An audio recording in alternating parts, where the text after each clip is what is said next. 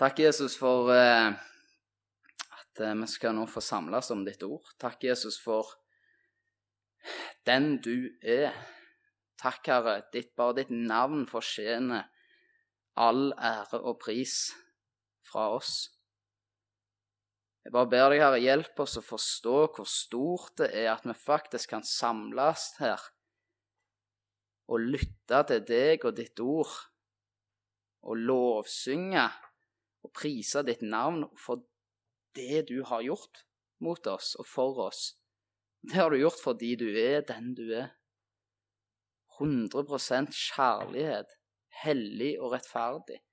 Hjelp oss å få forstå hva du virkelig har gjort for oss og har kalt oss til. Ber jeg deg, Herre, om visdom åpenbaringens ånd. Led oss inn i ditt ord. Åpne det opp for oss, Herre. Og hjelp oss til å forstå det du har kalt oss til. Åpne opp våre hjerter, og hjelp oss til å ta imot. I Jesu navn. Amen. Eh, jeg skal være ærlig med dere og si jeg har kjempa en del før den talen her. Eh, håpte nesten jeg skulle få noe annet å gå med, men eh, sånn ble det ikke. For jeg kommer til å snakke om noe som har egentlig blitt veldig viktig for meg det siste året, som har levd veldig i meg. Um, og det er litt Hvem er det vi lever for? Hvem er herre i vårt liv? Og Det står så masse om det i Bibelen. Jesus sier dere, det, det er ikke hver den som sier 'Herre, Herre', skal få komme inn, men det er den som gjør min vilje, sier han. Hva det, hvem er herre i vårt liv? Hans vilje for oss. For det står han har kalt oss vekk ifra urenhet og til helliggjørelse. Vi skal lese en hel del i dag, men vi skal ta utgangspunkt i 1. Tessalonikerbrev, kapittel 4. Så skal vi lese vers 1-3.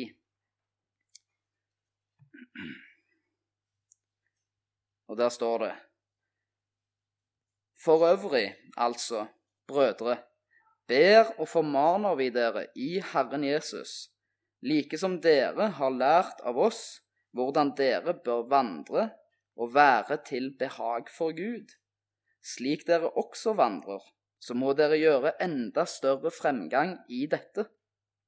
Dere kjenner jo de påbud vi ga dere ved Herren Jesus, for dette er Guds vilje, deres helliggjørelse. Og Jeg vil bare egentlig bare starte helt å si at eh, helliggjørelse, målet for vår helliggjørelse Mange tenker når de hører helliggjørelse, så er det at ja, men da må vi holde alle budene på en måte og avstå fra all synd hele tida. Det er sant. Men målet for vår helliggjørelse det er at vi skal få ære Gud med det vi sier, med det vi gjør, og at alt det vi gjør, skal være underlagt Hans vilje. At vi skal få Når han ser på oss, så skal det gi han glede av det livet vi lever. Fordi det livet vi lever, ærer han. Og Det som står her i vers 3 Ordet vilje her, Guds vilje, det, er, det kan egentlig oversettes til på engelsk 'desire', altså et stort ønske. Han har et ønske for oss. For Guds vilje det blir, Jeg tror det ofte blir tenkt på litt sånn der upersonlig. Litt sånn kaldt, akkurat som at det er Ja, sånn er det bare. Men nei, det er egentlig et varmt, kjærlig ønske fra, til deg fra Han som elsker deg, og som ønsker deg alt godt. Det er hans vilje, hans gode vilje. Og det er ikke, det er ikke den der måten at det er en streng mann som står med pekefingeren eh, og gir, sier 'gjør sånn og sånn'. Men han, han sier 'jeg vil og ønsker dette for deg'. Det er så viktig for meg. Han sier det med autoritet. Det er en befaling. Absolutt. Men det er på grunn av at han elsker deg. Fordi han er opptatt av deg. Og jeg tenker meg at dere som har unger, vil egentlig forstå dette best, nesten.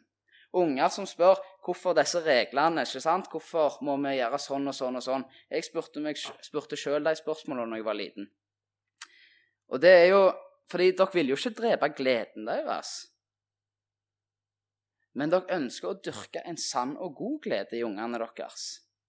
Fordi ofte det som ungene tror vil gi dem den gleden, er jo egentlig noe i, som i realiteten dyrker død. For dere vil gi dem det som er den sanne og gode glede. Så når Gud sier at dette er hans vilje, så sier han det som en far til oss. Han som er kjærlighet. Alltid det når han formaner eller tukter oss eller gir oss sin vilje, så er det alt igjennom kjærlighet. Fordi han ser at vi trenger det. Det er godt for oss. Og det er hans vilje, det kan vi si utrolig mye om. Og det er, det er ikke sånn at det verset her står det at dette er Guds den på en måte the will, altså den eneste Guds vilje. Fordi vi ser mange plasser i Bibelen om Guds vilje. En av en tingene store på en måte Guds vilje for hver og en som sitter her, det er jo at vi skal ha framtid og håp. Leser vi Guds ord, så ser vi jo egentlig at det gir jo ikke mening.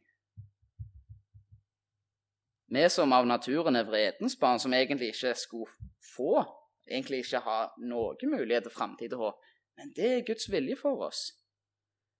Det gjorde han gjennom Jesus, hans forsoning. Hans vilje er at vi skal ha framtid og håp. Og han vil at vi skal få leve med Herren nå, her på jord. Og Det er ganske fascinerende hvordan vi kristne ofte kan ha en tendens til å vente på Herrens eh, Eller hvordan vi ønsker å vente på en måte på Guds vilje for vårt liv. Dette angår kanskje spesielt ungdommer. Hvor skal jeg være? Hva skal jeg gjøre med livet mitt? Eh, hva er Guds vilje for livet mitt? Jeg spurte meg sjøl de samme spørsmåla. Og, jeg, og jeg sier ikke at han ikke ofte har det. Og Jeg sier ikke at han ikke har ofte et, en god vilje for hvor du skal være, eller hva du skal gjøre. Vi er jo eksempler på det. Vi kjente på et kall til Fredrikstad. Men det er så viktig at vi aldri må glemme det som står fast i Bibelen. Og det er at han vil du skal ha framtid og håp. Han vil at du skal bære frukt.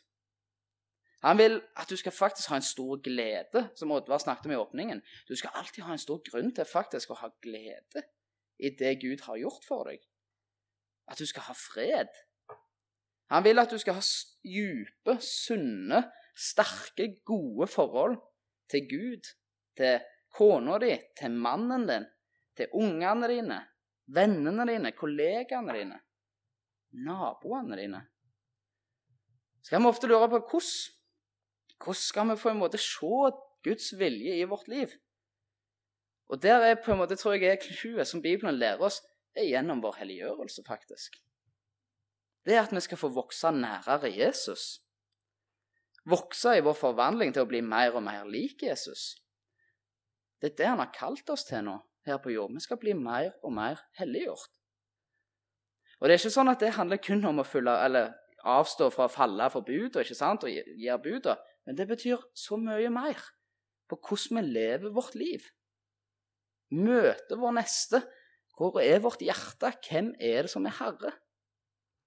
For å si det sånn, Hvis jeg og Naomi har problemer, eller når det er problemer blant eh, venner, eh, kollegaer, naboer, familie hva er, er som, hva er som regel hovedgrunnen til det? Når det er masse konflikter, hva er som regel hovedproblemet her? For vi er veldig flinke på å eh, finne symptomer. Altså de små problemene jo, det er at eh, du tok ikke oppvasken. Eller du, du var tullete på jobb, ikke sant? Men hva er hovedproblemet? Det er jo det at vi er ikke lik Jesus. Vi er ikke lik Jesus i møte med ektefellen vår, i møte med naboene våre, i møte med kollegaene våre. Synden henger så fast med oss. Og vi, vi, snakket litt om det, meg og Naomi, i høst, tror jeg det var, eh, for et år siden, at ja At uh, de gangene det kan koke litt over, så sa jeg det. Du skal få si til meg, da. Nå må du gå og bruke litt tid med Jesus, Sondre. Nå koker det over. Jeg vet ikke om jeg skal anbefale å si det når det koker over, men det er en sannhet i det. Det er en sannhet i det. Ofte så er våre store, store problem i møte med mennesker og de konfliktene vi har, er at vi ikke er lik Jesus. For vår helliggjørelse det skal faktisk være at vårt liv blir underlagt hans vilje. Og hva er hans vilje? Det er at jeg skal elske Naomi. At jeg skal gi mitt liv til Naomi. At jeg skal på samme måte som Jesus ga sitt liv til menigheten, for at han skulle få stille menigheten fram eh, uklanderlig, hellig fram. Det er jeg kalt til å gjøre for Naomi. Mitt behov, Hennes behov skal gå over mitt behov. Hva er hans vilje for mine naboer? Det er at jeg skal elske dem som meg sjøl. Jeg skal virkelig gå ut og gi dem Guds kjærlighet. Det er at vi skal bære frukt. Dette kommer gjennom vår helliggjørelse. Og det er ikke helliggjørelsen, altså ordet helliggjørelse i seg sjøl som er på en måte målet, som er hans vilje, men det er alt det den fører med seg. Det er til glede for Gud og vår neste. Og vi må ta det på alvor. Det har blitt så viktig for meg dette året. Vi må ta det på alvor. Helliggjørelsen det er et verk faktisk både av Gud og oss. Gud virker, og vi svarer på det han har gjort, og det han gjør. Og Det er to ting som på en måte foregår, da, som er på en måte viktig å ha klart. Den ene det er vår posisjon. Foran Gud, i Jesus, så er vi rettferdige. Vi er hellige, står der. Vi er vaska rein av hans blod. Det er fullbrakt. Den rettferdiggjørelse, det er et verk av Gud og han alene. Det er et verk av Jesus alene. Ingenting fra deg. Du har fått et nytt liv som er i Jesus nå. Det er det han som står for. Men så leder det til en praktisk del det at dette livet skal vi få vokse i og gå framover til å bli det vi nå faktisk er. Til å begynne å leve det vi faktisk er blitt i Jesus. For det er ofte, jeg tror jeg, når vi snakker om helliggjørelse, så blir det en sånn en Da må jeg bli noe som jeg ikke er. Ikke sant? Det høres litt ut som Men jeg, jeg, jeg er jo ikke hellig. sant? Jeg, da må jeg bli noe som jeg egentlig ikke er. Men din helliggjørelse, det er faktisk at du skal bli til det du nå er, i Jesus. Hellig. Du tilhører ikke lenger deg sjøl. Din vilje er nå bundet opp imot hans vilje. Du tilhører han nå. Han kommer til å virke i deg. Og dette er et konstant arbeid. Det står i Bibelen at vi skal faktisk døde vårt gamle liv mer og mer. Vi skal døde de gamle, gjerningene, holdt jeg på å si, for å leve det nye livet som er i Han. Og Dette er en prosess der du vender deg vekk støtt og stadig fra ditt gamle for å vokse i ditt nye. Med korset som fundamentet for det livet. Jeg skal si litt mer om det etterpå. Men helliggjørelsen det er en livslang prosess der vi skal få vandre i ånden, vi skal få leve med Herren. Og du vil aldri bli syndfri. Det er ikke det jeg står og sier her. Aldri. Du vil ikke plutselig våkne opp en dag og der det er snudd helt om, og du vil ikke falle. Vi vil aldri bli syndfri i dette livet. Ikke før vi blir henta hjem. Men Guds ord gir oss aldri det som en unnskyldning for at vi ikke skal ta vår helliggjørelse på alvor. For Et godt bilde på det det er ei jente som skal bli dronning. Hun var tolv år Uh, og alle var veldig redde for det. Hvordan skal det gå at den jenta der skal bli dronning? Se på det livet hun lever. Det gir null mening. Det kommer aldri til å gå bra at hun skal bli dronning. Så plutselig så snur det helt om en dag. Så spør de henne hva er det som gjør at du har snudd så om. Så sier hun det. Jeg fikk vite at en dag så skal jeg bli dronning. Jeg må begynne å leve som det er nå. Jeg må begynne å bli til det som jeg en dag virkelig skal få bli. Det er et haltende bilde, sånn er det alltid. Men Bibelen lærer oss dette her. Det meste som står der, er faktisk skrevet for vårt beste. For at vi skal få forandre livet vårt til ære for Gud og vår neste. At vi skal få ta av oss det gamle og ta på oss det nye. At vi skal få leve for Han nå, fordi vi tilhører Han. Første Korinterne 6 står det 19-20.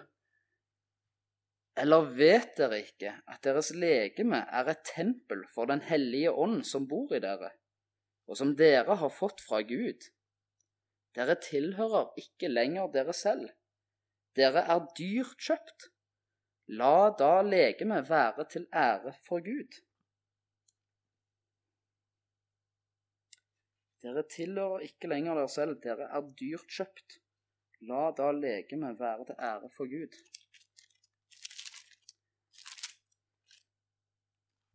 Jeg vil òg lese fra Romerne 6.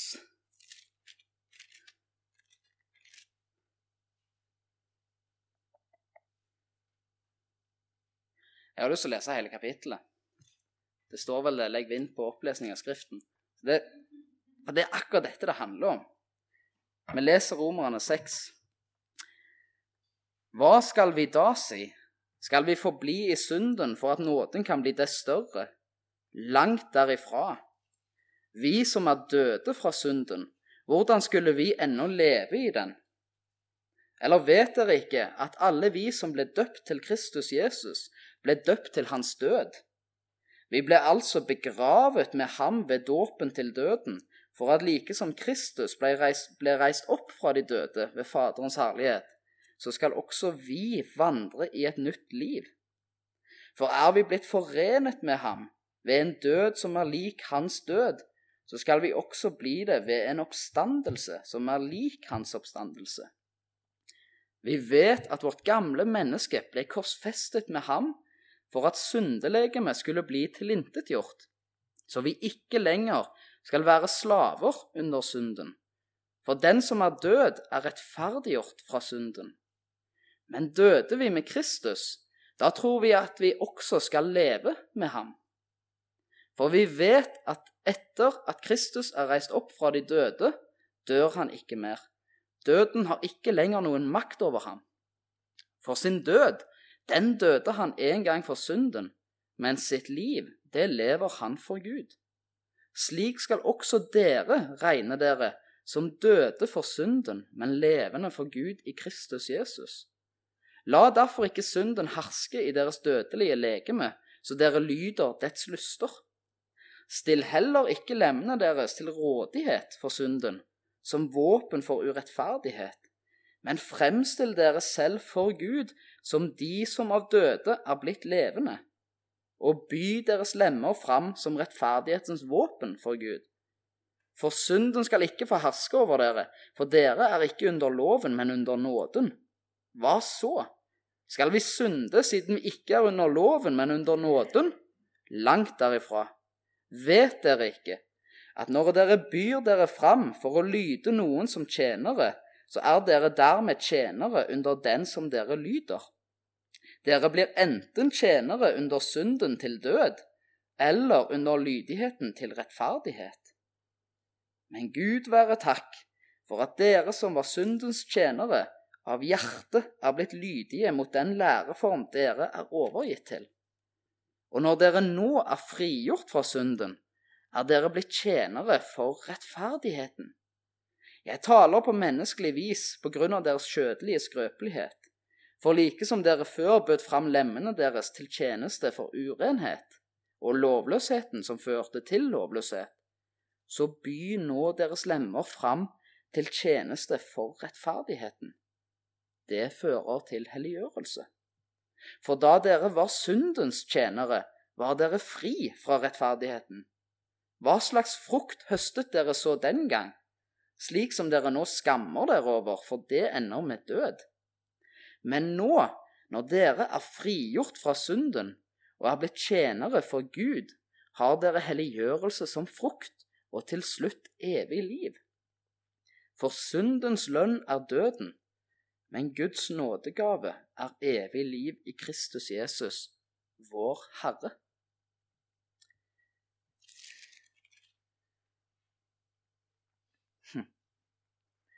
Det jeg syns det maler så godt bilde i, denne, Romerne 6.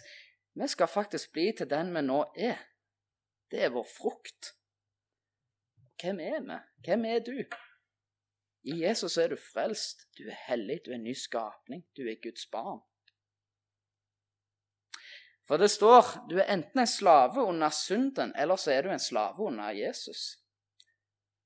Drømmen om den frie vilje jeg synes Den blir egentlig ganske malt at den, den på en måte eksisterer nesten ikke. Den eksisterer ikke. Enten er vår vilje bundet opp mot synden, men som kristen, da, hva skjer da? Da er din vilje bundet opp mot Kristus. Da er din vilje bundet opp mot Jesus og hans vilje. Fordi du er død, står det her i Romerne 6. Livet du nå lever, tilhører ikke lenger deg, men det er Han som elsker deg og ga seg sjøl for deg. Galaterne 3, så står det Jeg er korsfestet med Kristus. Jeg lever ikke lenger selv, men Kristus lever i meg. Det livet jeg nå lever i skjødet, det lever jeg i troen på Guds sønn, han som elsket meg og ga seg selv for meg. Den store synden, på en måte med syndefallet i hagen, hva skjedde da? Mennesket ble herre over sitt eget liv. Når du blir frelst, så, må du faktisk legge ned hele det livet som du var herre over. Fordi du kan ikke stille opp med en eneste rettferdig gjerning foran en hellig Gud. Og det nye livet du får ved gjenfødelsen, da lever du ikke lenger som herre over ditt eget liv. Din vilje, ditt liv, er bundet opp imot Jesus. Og hva, er, hva sier Guds ord? Det sier nå Elsk Gud av hele ditt hjerte og det neste som deg sjøl. Så det snur helt om. Før var livet ditt om deg sjøl, der du var herre over ditt eget liv. Det er totalt snudd om. Friheten i det nå er at nå er din vilje og ditt liv bundet opp mot Gud og din neste. Du er kalt til å være den du er nå, ikke til å vente til den dagen Gud kommer for å ta deg hjem. Og du vil aldri på en måte bli fullført. Du vil aldri, liksom, Dette er ikke noe du skal fullføre. Det vil bli fullført den dagen Jesus kommer igjen. Men det livet vi lever nå, der er det med korset som fundament. Det blir aldri et bakteppe. Guds ord er så tydelige på det. Vi vil aldri på en måte bli sunnfri. Og vi vil jo egentlig ikke kunne samles her. Det livet som vi har lest og snakket om nå, som bor i oss, som er skapt i oss, alt er på grunn av korset. Og at det står som fundament for det livet. Uh, og det er sånn, jeg tror hvis det, hvis, hvis det, er et vanlig liv, da Hvis vi skal ta et kristenliv, prøve å synliggjøre det Hvis du er her, da Du blir født i synd. Du er død i dine synder. Vent vekk fra Gud. Null håp og framtid. Guds vilje var at du skulle ha håp og framtid. Han går ned og sender sin egen sønn for å ta på seg alle dine synder. Og her er korset. Hvis, hvis du er her, og her er korset, så er hans vilje at du skal få komme. Og du skal faktisk få gå og få et nytt liv.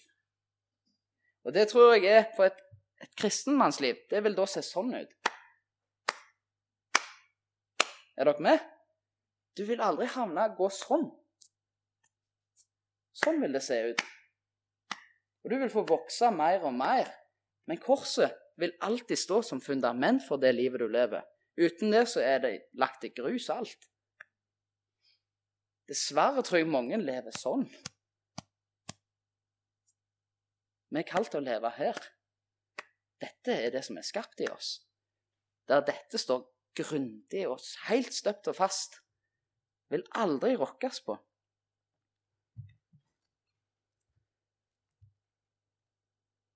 Vår rettferdiggjørelse er et verk av Gud og Han alene, ved Jesus alene. Men når vi lever det kristne livet, så blir det et verk av oss begge fordi Han kaller oss til ting.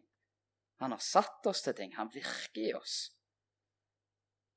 Han kaller oss til å respondere til å leve slik han sier, og han skapte et nytt hjerte i oss til å faktisk ønske det, for det vår vilje er nå bundet opp imot det. Og I Filipperne 2 så kommer det veldig tydelig fram.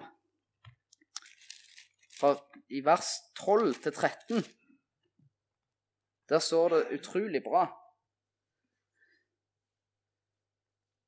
Mine elskede, like som dere alltid har vært lydige, så arbeid på deres frelse med frykt og beven, ikke bare som da jeg var hos dere, men enda mer nå når jeg er borte fra dere. For Gud er den som virker i dere, både å ville og å virke til Hans gode behag.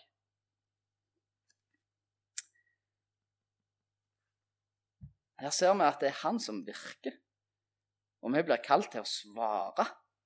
Det står 'arbeid på deres frelse'. På engelsk står det 'work out your salvation'. Det står, det står, ikke 'arbeid for din frelse', men det står at du skal arbeide på han. Det betyr at du er frelst ved Guds ord, ved Jesus og hans stedfortredende død for deg på korset, der han tok alle dine synder. Det er fullbrakt. Du skal aldri få måtte gjøre en eneste gjerning for det verket. Men i den tilstanden så er du kalt til å arbeide. Du er kalt til å arbeide på den frelsen han har gjort for deg til å respondere på Gud, til å lytte til hans vilje, til å adlyde hans vilje. Han kaller deg til det. Han kaller deg til å vokse nærere han, i kjennskap til han, i tru. Aldri for frelsen, men på den frelsen. Den står fast. Og han sier nå på den gode frelsen der. Det er en frihet her. Nå skal du få arbeide på den, der du aldri vil måtte være redd for deg lenger, fordi han har gjort det ferdig for deg. Du skal få arbeide, leve med hensikt nå, med mening. Du skal få gjøre med mening. Og det, I det verset her så står det, det, stått, står det på den måten at det er ikke noe vi på en måte gjør én gang. Det er noe vi er kalt til å leve som, og gjør støtt og stadig. Fordi vi må alltid leve nært Herren, i Hans ord, i bønn, i fellesskap avstå, omvende oss fra ondskap, gå ut og elske vår neste, leve for Herren, ikke for oss sjøl. For Gud på jobben, på skolen, i nabolaget, i byen din, hvor enn du er.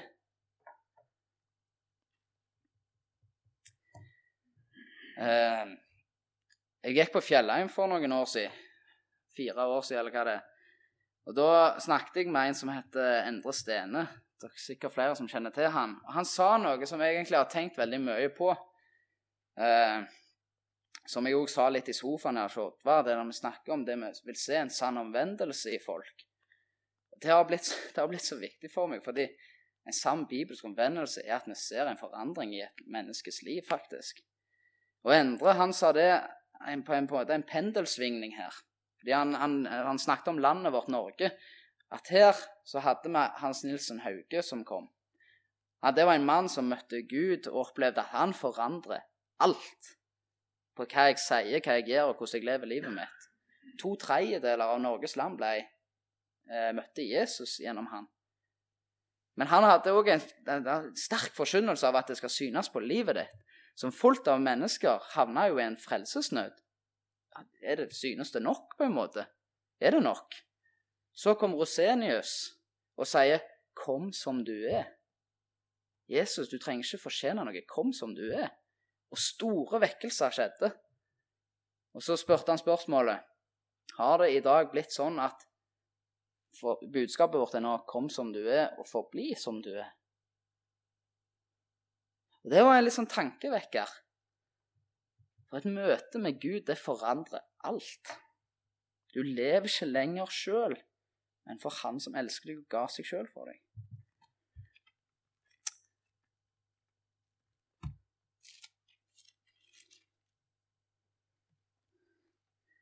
Bind derfor opp om dere, om deres sinn.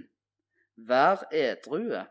Sett deres håp fullt og fast til den nåde dere får i Jesu Kristi åpenbarelse. Som lydige barn må dere ikke skikke dere etter de lyster som dere før hadde i deres uvitenhet, men vær etter den hellige, som kalte dere, også dere hellige i all deres ferd. For det er skrevet, dere skal være hellige, for jeg er hellig. Bibelen sier det egentlig som jag etter det. Jag etter det. Jag etter å bli mer lik meg. Til å bli den du er. Er det problemer i ekteskapet, så burde vi egentlig sagt jag etter helliggjørelse.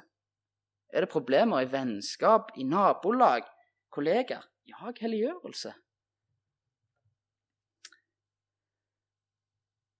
Hva gjør vi for det? For jeg tror Det er ikke noe vi skal bli nedtynga av dette. Dette er ikke lagt på som et åk. Vi har fått Jesu åk, og det er godt for oss. Vi har fått et frelsesgrunnlag som vi skal få arbeide på nå. Så det vi må minne oss på, vi må bli oppmuntra av dette her. Når Guds ord sier 'bli hellig'. Vi må aldri slå oss til ro for noe mindre enn det å bli mer lik Jesus med vårt liv. For jeg tror vi hører veldig ofte den vanlige her, kanskje har flere hørt den, den Ja, om du prøver, så kommer du til å feile. Du må bare prøve. Jeg, for meg helliggjørelse, jeg må ikke snakke om det engang. Jeg trenger Jesus og han alene. Du må ikke snakke om helliggjørelsen, for da det er bare, det er katastrofe. det, Da feiler jeg. Svaret er ja. Du vil feile. Absolutt. Men vi må ikke bli nedbrutt av det. Og begynne å klage. Ofte kommer det at da gjør vi det for oss sjøl. Da gjør vi det jo for vår egen vinning, og ikke for Herren og for vår neste. Feil. Bekjenn det. Begynn igjen. Med glede og håp. Vær hellig. For vi skal ikke gjøre det for oss sjøl. Vi skal aldri leve det livet Gud har skapt i oss for vår egen vinning. Vår helliggjørelse er ikke for oss og vår vinning. Det er for Gud og for de rundt oss. Hvordan da må vi lese Romerne 12, vers 1-2. Jeg formaner dere altså, brødre, ved Guds miskunn, at dere fremstiller deres legeme som et levende og hellig offer til Guds behag. Bare der med en gang så kommer det inn hvem det er for. Det er til Guds behag. Det er ikke for din og vår vinning. Det er til Guds behag. Dette er deres åndelige gudstjeneste og skikk dere ikke lik denne verden, men bli forvandlet ved at deres sinn fornyes, så dere kan dømme om hva som er Guds vilje, det gode, det som Han har behag i, det fullkomne. Det står at vår sinn skal fornyes, og det gjør det ved å leve med Jesus, med Hans ord. Det er, en, uh, der er et godt bilde. Uh, en som heter Paul Washer, en amerikansk forkynner. Og Han sa et utrolig fint bilde. Det var et bilde på en menighet. Kan ofte sammenlignes med et hønsehus. Og Han sa det at han var bekymra for de unge konservative. Fordi han så ofte at det kun handla om teori, at det var liksom å ha det rette svaret på alt. Han savna å se liv, at de levde det de trodde på. Men så sa han òg at han var så lei av de menighetene der det kun handler om hjertet. At det eneste det handler om, er hjertet. For Bibelen er kjempetydelig på det. Vi skal vokse i kjennskap, i kunnskap. Vi skal ta til oss Guds ord, og det skal gå fra hodet til hjertet. Så han sa det For det står jo òg, Jesus sier det, det er ånden som gjør levende. Skjøtet gagner ikke noe. De ordene jeg har talt til dere, er ånd og er liv, sier Jesus. Så sier han det fordi vi kan ha en menighet der du har kutta av hodet på alle hundsa, og det vil se ut som det er masse liv i den menigheten, fordi de springer rundt og er galne og hopper rundt. Det er masse liv. Til slutt så vil de hundsa falle ned og dø. På samme måte kan vi ha en menighet der vi har kun de avkappa hodene de er like døde som de hundsa som springer rundt hodeløse.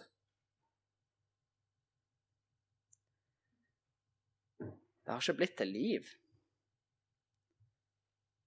Vi må leve ut det vi tror på. Det må gå fra hode til hjerte. Vi må leve i dette ordet, i fellesskapet, i bønn, nært til Gud. Luther sa det òg sjøl. Han sa du må aldri tro du har forstått evangeliet å gå videre og vekk fra det. Du har forstått det. Det går ikke. Det er noe som må leve i oss Vårt sinn fornyes med det. Det er en, mann som, en klok mann som sa Jeg skal oversette det til norsk etterpå. Our biggest fear should not be of failure, but succeeding in the things that really don't matter. Vår største frykt må ikke være av å feile, men å faktisk gjøre stor suksess i de tingene som faktisk ikke betyr noe. Lukas 9 så står det vel skal finne det Den som vil Om noen vil komme etter meg, da må han fornekte seg selv og hver dag ta sitt kors opp og følge meg. For den som vil berge sitt liv, skal miste det, men den som mister sitt liv for min skyld, han skal berge det. For hva gagner det et menneske om han vinner hele verden, men mister seg selv eller tar skade på seg selv?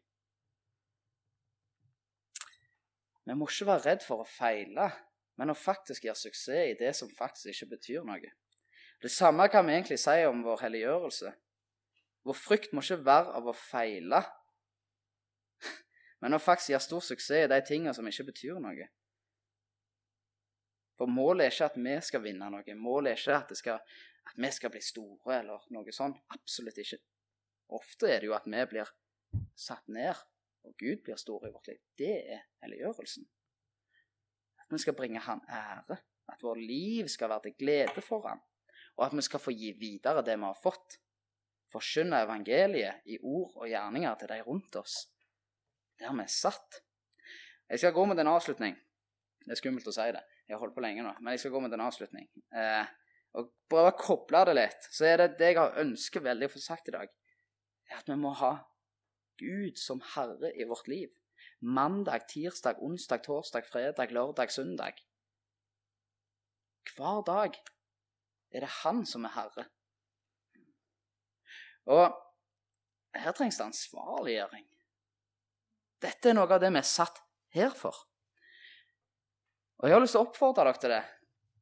Ansvarliggjøre hverandre i kjærlighet på det livet vi er kalt til å leve. Vi går i huskirka i Fredrikstad. og Der har vi gjort det litt sånn at der går vi i lag to og to, eller én og én.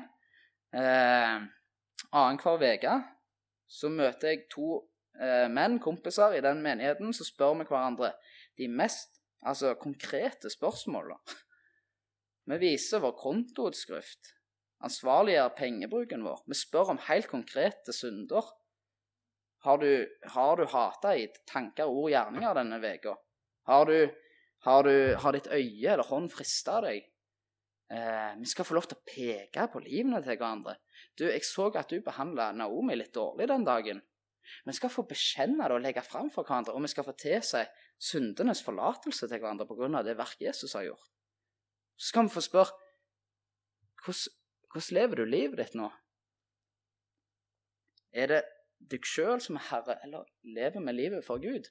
Der vi skal få ansvarliggjøre det for hverandre. Og Jeg sier ikke at vi gjør det sånn, men poenget er at her må vi hjelpe hverandre. Paulus han sendte brev til alle menighetene. Hold dere til Jesus. Lev for Jesus. Det var det store for ham. Vi er satt i én familie. Gud, Det er fordi Gud krever alt. Han krever huset ditt, han krever pengene dine, tida di. Alt tilhører Gud. En av de første bønnene jeg hørte når vi kom til Fredrikstad Vi hadde en bønn- og lovsangskveld. Så ble det han som eide det huset som vi var i, han, han ba i bønnen sin. Herre, Eh, la dette huset få være ditt og til ære for deg. Og den dagen dette huset blir mitt, så må jeg selge det. Den dagen dette huset blir mitt, så må jeg selge det. Det, det, det, det er så sant. Det, snakker, det snakkes om tiende i Det gamle testamentet. Altså nye så krever det alt. Huset ditt, alt du har. Det er for Gud, og det er for de rundt deg, naboene dine. Her må vi virkelig åpne opp våre heimer for de rundt oss, for våre naboer, og faktisk gjøre det. Vi er satt der vi er, til å være et lys for det nabolaget. Til å elske det nabolaget. Til å gi og åpne opp for dem. Åpne opp huset vårt. gå ut og gi dem Guds kjærlighet. Og forkynne det til dem. Åh, oh, Der er en bok som heter The Gospel Comes with the House Jeg skal ikke si noe om den. Det er en tale på Snakk med meg etterpå. Den er så bra. Om en familie som åpna huset sitt, og hvordan det endra hele nabolaget. Evangeliet kommer med en husnøkkel, heter det på norsk. Det kan høres voldsomt ut, men i Markus 10 Der står det 29-30. Jesus svarte og sa Eller Peter sier først, Se, vi har forlatt alt og fulgt deg.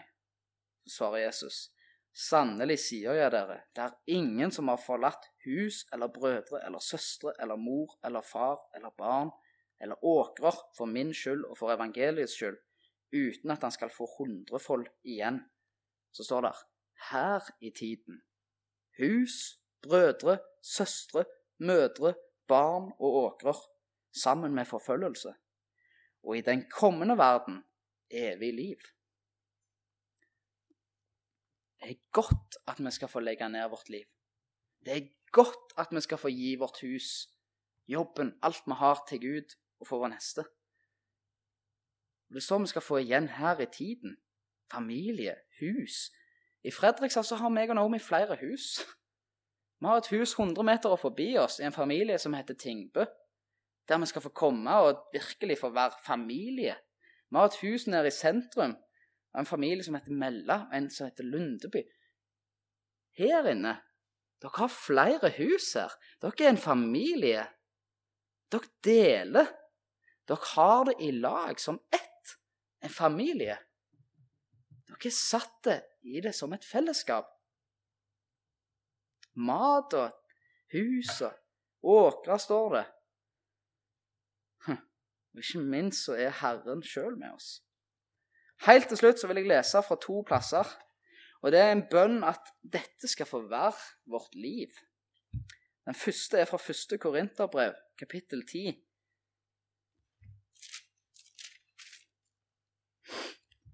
Fra vers 31. Og der står det Enten dere eter eller drikker, eller hva dere så gjør, gjør det til Guds ære. Vær ikke til anstøt verken for jøder eller for grekere eller for Guds menighet. Slik prøver også jeg i alle ting å gjøre det beste for alle. Jeg søker ikke mitt eget gagn, men de manges, slik at de kan bli frelst. Og så av Apostelens gjerninger 20.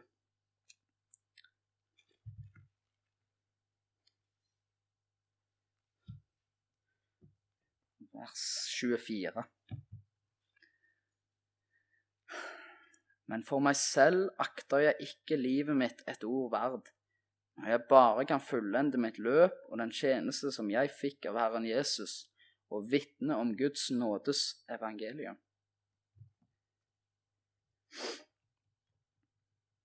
Og Jeg har lenge tenkt på det. Altså, hvordan skal livet mitt være målet for det? Eller hvordan skal det være? For en dag så vil vi møte Gud. Og da er på en måte litt egoistisk å tenke at først og fremst vil jeg få møte Gud, der han med åpne armer sier 'Kom, du tro og gode tjener'. Så ønsker jeg det for Naomi. Jeg ønsker at Naomi skal få komme til himmelen og få møte Gud som står med åpne armer og sier 'Kom, du tro og gode tjener'. Jeg ønsker det for menigheten min. Jeg ønsker det for dere at det byggverket som vi bygger her på jord, skal få være til Han og Hans ære. Og det er, det er ikke sånn at dette er noe vi har fått til. Men vi er satt til å gjøre det, vi er kalt til å gjøre det, og vi skal bli oppmuntra når Guds ord sier det. Vi skal hjelpe hverandre til å leve for Herren og la Han få være herre for vårt liv. Til å gjøre alt på den frelsen Han har gjort.